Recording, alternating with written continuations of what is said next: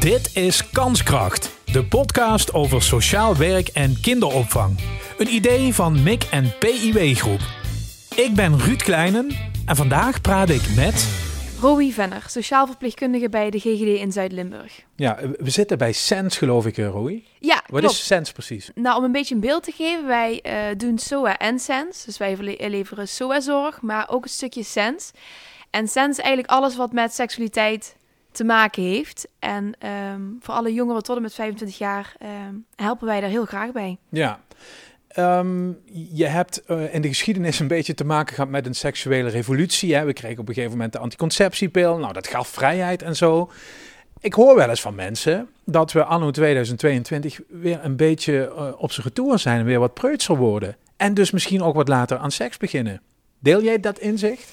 Ehm, nou, of we preutser worden, dat, dat weet ik niet. Ehm, uit onderzoek blijkt wel dat de meeste jongeren rond de 18 jaar zijn als we de eerste keer seksueel contact hebben. Ehm, en dat lijkt iets later te zijn dan wat het eerder was. Ehm, of het met preutsheid te maken heeft, of met betere voorlichting, dat durf ik niet te zeggen. Of met sociale media? Ze zijn onzekerder door die perfecte plaatjes overal. Dat kan zeker een rol spelen. Eh, en dat is ook wel iets wat wij meenemen in onze gesprekken. Ehm, je hebt natuurlijk een bepaald beeld wat nu vaak gevormd wordt. En eh, als jij eh, veel op sociale media kijkt, ehm, bijna iedereen heeft wel een filtertje overheen. De lippen lijken wat voller, de ogen wat groter, de huid wat egaler. En dat kan sommige jongeren wel degelijk onzeker maken, ja. Even naar de, de, de kant van de voorlichting. Mhm. ik zat zelf op school in de jaren 90. En dan kreeg je zo'n onhandige vader met een banaan en een condoom. Ja, En dat hield wel ver bij op eigenlijk. ja. Hoe is dat nu? Hoe is dat nu? Ehm, nou, ik hoop dat het nu niet meer zo is. Ik heb het zelf ook nog op die manier eh, meegemaakt. Ehm, waar we nu ook echt mee bezig zijn, is ook het trainen van leraren. Om echt ook het stuk seksualiteit bespreekbaar te maken. En vooral ook niet om alleen maar te focussen op de risico's van seks. En seks is gevaarlijk. En let op dat je geen SOA krijgt, dat je niet zwanger wordt. Maar vooral ook om de leuke kanten van seks bespreekbaar te maken. En om überhaupt seks bespreekbaar te maken. Ja. Want wat we vaak zien is dat mensen, en dan doe ik niet alleen op jongeren, maar mensen in het algemeen, het vaak toch nog intiemer vinden om over seksualiteit te praten dan om daadwerkelijk seks te hebben met iemand. Ehm, en dat is wel iets, ja, die communicatie, dat is iets wat wij eh, wel willen bevorderen. Is idealitair de leraar wel de persoon daarvoor? Die je als jongere dat wil zien vertellen? Niet alleen, Nee. natuurlijk. Ehm, weet je, hoe meer mensen seksualiteit bespreekbaar maken, hoe beter. Ehm, ook als jij als leraar of als ouder zijnde of als jongerenwerker, als jij seksualiteit bespreekbaar maakt, dan is het ook een uitnodiging voor jongeren om naar jou toe te komen als er een keer vragen zijn of er een keer iets niet heel lekker loopt. En dan kan de jongere zelf ook bepalen, goh, bij wie wil ik met deze vraag terecht? Bij wie kan ik bij deze vraag terecht? Ja. Zijn die vragen er nog wel? Want ik hoor wel eens van eh, ouders die eh, kinderen in de tienerleeftijd hebben. Die weten alles al. Hebben ze lang gezien, online. Is alles te vinden. We hoeven ze niks meer te vertellen. Ja, dat is vaak. ehm, ze kunnen heel veel online vinden. Maar dus de vraag is dat de juiste informatie die ze dan online vinden. En ehm, op een gegeven moment, jongeren maken ook een seksuele ontwikkeling door. En er komt een punt dat ook schaamte zich gaat ontwikkelen. En als seksualiteit nooit besproken is voordat dat punt dat die schaamte ontwikkelt, dan is het ook heel moeilijk om dat daarna nog te bespreken. Dus vaak denken ze, nee, ze weten alles al. Of jongeren zeggen, oh mam, alsjeblieft, ik weet het, laat me. Ehm, maar dat wil niet altijd zeggen dat ze de juiste informatie hebben. Nee, maar, maar daar, daar gaan we al. Ze, ze duwen de ouder dan eigenlijk weg. Van daar wil ik met jou niet over hebben. Ja, daar moet je als ouder toch iets mee, hè? Hoe pak je dat aan? Ja, het is, ja, we zeggen altijd heel vroeg beginnen. En het klinkt misschien heel gek, maar ons advies is ook om die voorlichting, die seksuele voorlichting, om dat al bijvoorbeeld eh, bij de kleuters, om het dan al bespreekbaar te maken. En dan heb je het natuurlijk niet over SOA's en over zwangerschappen, maar dan heb je het over vriendjes, over vriendinnetjes, Verliefd zijn of zo. verliefd zijn, kriebels in je buik. Ehm, daar begint het mee. Dus in feite zeg jij nu, eh, dat is een normaal gespreksonderwerp van jongs af aan. En op het moment dat die moeilijke tienerjaren aanbreken, dan zijn ze daar in ieder geval een beetje aan gewend. Idealiter zou dat wel zo zijn, ja. Ja. Hey, hoe ziet de mo- moderne eh, seksuele voorlichting eruit? We hebben het over de leuke kanten van seks. Dat was in onze tijd, kan ik me niks van herinneren dat dat besproken werd. Ehm, wat, wat, zit daar, wat zit er daar verder nog aan, nou ja, laat ik zeggen, moderne componenten in? Nou, je hebt natuurlijk ehm, weet je, SOA's en uh, zwangerschappen, dat komt natuurlijk aan bod. Ook een stukje anticonceptie, dat is natuurlijk informatie, belangrijk is om te weten. Maar we hebben het vooral ook over uh, wensen en grenzen. Um, hoe weet je wat je zelf wil? Hoe weet je wat de ander wil? Um, weet je op wie je valt? Hoe kom je daarachter komen waar, uh, op wie je valt? Um, hoe weet je wat je fijn vindt? wat doe je als je een uh, ongewenste foto toegestuurd krijgt? Wat doe je als iemand jou vraagt om een naaktfoto van jezelf te sturen? Ja, die dingen eigenlijk allemaal. Ja, eigenlijk is het alles wat nu in de media speelt. Ja, het is nu actueler dan ooit. Ja. Dus, dus de nieuwe generatie tieners, die moet beter beslagen ten ijs gaan komen. Ja, uh, en het is natuurlijk altijd moeilijk hè. Als een situatie zich voordoet en uh, je zit vol met hormonen, je bent misschien verliefd. En dan is het ook moeilijk, oké, okay, wat wil ik en wat wil de ander en hoe gaan we, dat, hoe gaan we daar een balans in vinden? Um, en wij maken ons heel erg hard voor. We zijn heel veel scholen ook in trainen. Uh, door middel van uh, trainingen, zodat ze zelf die voorlichting goed kunnen geven. Want hoe moet ik me dat voorstellen? Al die leerkrachten komen naar een locatie toe en dan staan jullie om te doseren? Uh, nee, wij gaan naar hun toe. Wij gaan naar een locatie toe om dat bespreekbaar te maken. überhaupt om over seksualiteit te leren praten. Ja, is voor hen zelf misschien ook ongemakkelijk? Absoluut. Ja, niet voor iedereen. De een heeft daar meer moeite mee dan de ander en dat is ook prima. Uh, maar we willen vooral dat, dat ongemakkelijke laagje ervan afhalen. Vaak zijn docenten ook bang voor, goh, maar als ik daarover begin, dan gaan ze aan mij vragen, oké, maar hoe vaak heb jij dan seks? Ja. Terwijl dat helemaal niet iets is wat jongeren graag willen weten. Zij willen gewoon graag weten, oké, wat is bijvoorbeeld, uh, hoe vaak hebben mensen gemiddeld seks? Hmm. Is dat één keer per jaar, één keer per week? Um, dus om dat ongemakkelijke schilletje daarvan af te halen en om ook te laten zien dat het ook heel leuk is om over seksualiteit te praten, ja, dat is eigenlijk een beetje wat wij uh, doen. Nou, je noemt het aantal keren seks. Uh, er is natuurlijk een hoop grootspraak rondom seks, hè? Mensen roepen snel, oh, iedere dag. Maar hoe, hoe ontzenuw je dat? Want als volwassenen daar al zo mee omgaan, ja, hoe moet het dan bij die tieners uitkomen en bij die jongeren? Nou, wat we eigenlijk dan aangeven is proberen vooral met elkaar erover te praten. Want uh, wat je bijvoorbeeld ziet, stel je hebt iemand in een relatie en de een wil heel veel seks en de ander wil het eigenlijk wat minder dan kan het zijn dat de ander zegt, nou ja, prima, dan doe toch maar seks, want anders ga ik die ander teleurstellen. Ja. En dat wil ik niet, dus dan wil doe lief voor hem of haar zijn. Precies. Terwijl die ander misschien denkt, oh ja, maar um, je hoort iedere dag seks te hebben, dus ik moet het iedere dag proberen. Dus vaak is het gesprek aangaan onderling is eigenlijk het belangrijkste, maar dat is vaak wel een stuk wat helaas nog best wel vaak wordt overgeslagen. Ja, dus eigenlijk is de insteek, als ik jou zo beluister, zorg nou dat het ongemak bij die volwassenen rondom de kinderen weg is, dat die daar ontspannen en rustig over staan te vertellen. En dan komt het ook veel beter over. Ja, en dat is natuurlijk niet alleen wat wij uh, hopen dat ouders gaan doen, maar ook wat, wat jongeren zelf uiteindelijk gaan doen. Ja. Ik zie hier, want dat, dat heb je net ook al even aangestipt, je gaat dan behandelen hoe weet je op, uh, op wie je valt. Ja. Hoe doe je dat? Ja, hoe, hoe behandel je dat? Hoe, hoe heb je het daarover met hen?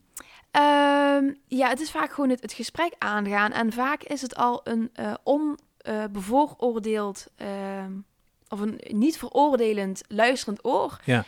dat biedt vaak al heel veel uh, hulp.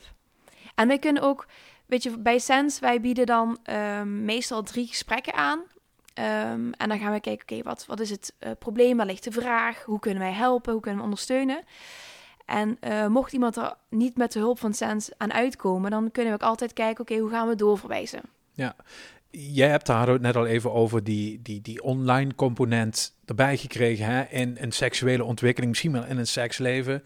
De fotootjes, de filmpjes en alle ideaalbeelden die je ziet. Dat is natuurlijk wel een gevecht, hè? Waar die, waar die jongeren mee moeten dealen tegenwoordig. Er liggen best wel wat gevaren op de loer. Dat was in onze tijd al zo, maar nu helemaal. Ja, is, is jouw werk moeilijker geworden daardoor? Um, ja, of het moeilijker is geworden niet, maar het is wel degelijk veranderd. En um, van de ene kant geeft het heel veel gevaren, maar van de andere kant zien we ook dat heel veel jongeren er ook heel veel plezier aan beleven.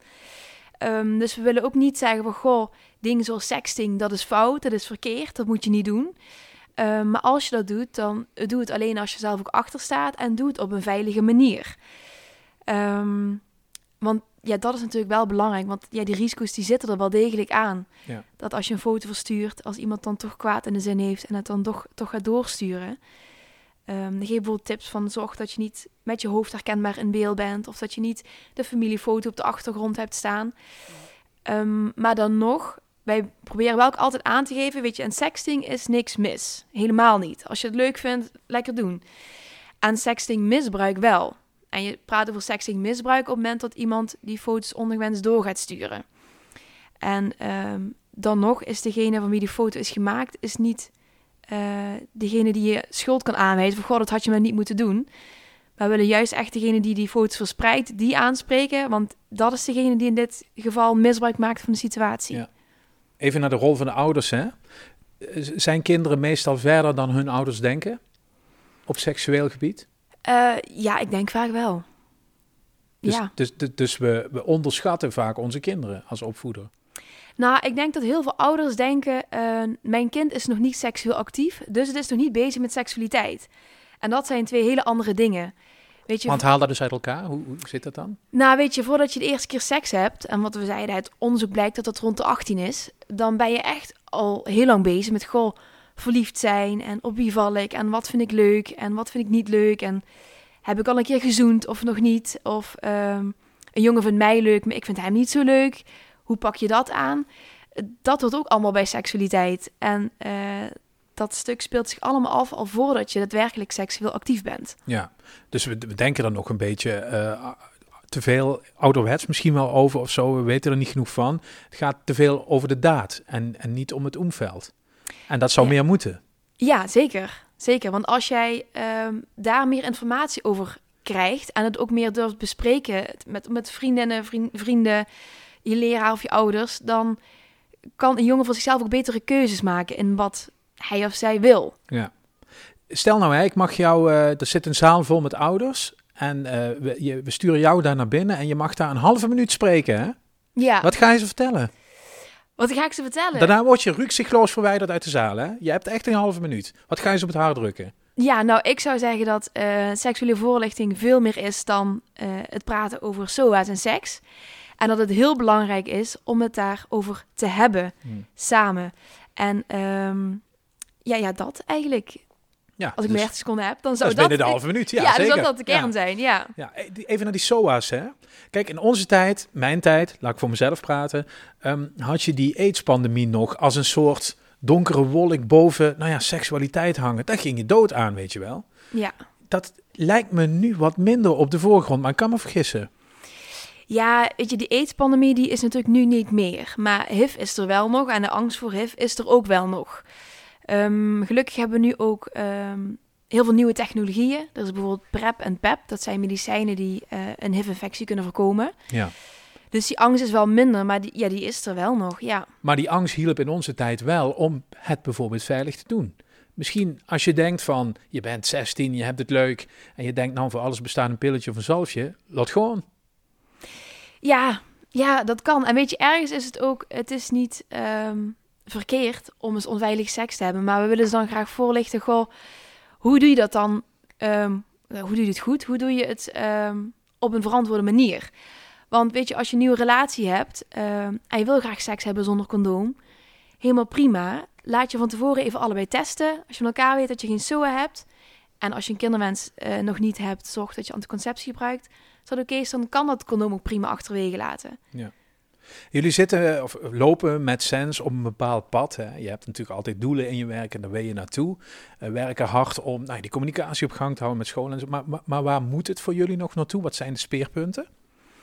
Ja, waar moet het nog naartoe? Weet je, we hebben nu natuurlijk ook op scholen, we hebben heel lang nu stilgelegen, ook met corona. We hebben heel veel dingen niet kunnen doen. Ja, wel kunnen nadenken natuurlijk. Wel kunnen nadenken, ja. ja. En in die periode van die corona hebben wij ook een heel nieuw uh, trainingsaanbod opgezet. Um, wat veel meer gericht is op echt het bespreekbaar maken van die seksualiteit. Voorheen hadden wij een lespakket wat we aanboden. Uh, maar we merkten zelf ook uh, bij de leraar, we kunnen wel een lespakket aanbieden. Maar als leraren zelf al niet over seksualiteit durven praten, dan werkt dat lespakket niet.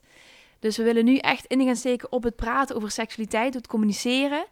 En eigenlijk door middel van oefeningen laten zien dat het allemaal niet zo heel spannend hoeft te zijn. En dat je juist hele mooie en waardevolle gesprekken kan hebben daardoor. En oefening is dat, denk, denk dan aan een rollenspel of hoe gaat dat? Um, ja, oefeningen. Um, moet ik even denken welke oefeningen we daar precies in hebben. Je hebt uh, bijvoorbeeld ook een rollenspel. Van goh, stel je krijgt die vraag, hè, maar hoeveel seks heb jij dan? Wat voor antwoord geef je daarop? En als je daar van tevoren over nadenkt, van goh, nou dat zou je wel willen weten, hè? als je dat er voor jezelf klaar hebt, dan is die, die angst wordt er afgehaald dat je die vraag krijgt. En dan kun je het ook wat relaxter Ja. bespreekbaar maken. Mag ik eens even advocaat van de duivel spelen? Of je Zeker. vertelt het gewoon. Want je, we zijn hier dat hele spel aan het normaliseren. Moet je dat niet gewoon vertellen?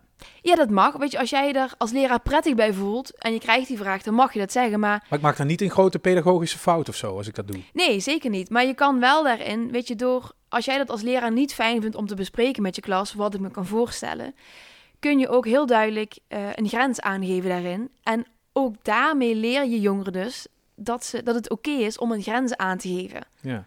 Het gaat, Dus je kan het niet heel gauw fout doen. Nee, eh, eh, je bent eigenlijk communicatietrainer, bemerk ik. En we hebben toevallig seksualiteit als onderwerp. Ja, weet je, als het om seksuele voorlichting gaat, dan blijft communiceren wel een van de belangrijkste dingen. Absoluut. Ja. Z- zullen we positief of een beetje streng afsluiten? Wat wil jij doen? Positief, Positief. altijd. Ja. Oké, wat is er beter aan de huidige generatie tieners dan aan mij of jouw generatie? Ik denk dat zij veel meer openstaan voor eh, alle verschillende soorten seksualiteit, eh, alle verschillende soorten geaardheid, alle verschillende soorten relaties. Ehm, ik denk dat dat veel meer is dan wat het vroeger was. En dat het wel een hele positieve ontwikkeling is. Minder taboes dus. Eh, ja, misschien wel. En die zijn er nog steeds hoor. Weet je, daarin hebben we nog een lange weg te gaan. Maar je ziet daarin dat er steeds- steeds meer verbreding komt. Nou, je kunt de toekomst in, werk zat. Werk genoeg, zeker. Ja, Dankjewel hè. graag gedaan. Dit was Kanskracht, de podcast over sociaal werk en kinderopvang. Een idee van MIC en PIW Groep. Reageren en jezelf aanmelden als gast? Dat kan. Je vindt een contactformulier in de show notes. Vergeet Kanskracht niet te volgen in je podcast-app en als je daar toch bent, geef een recensie.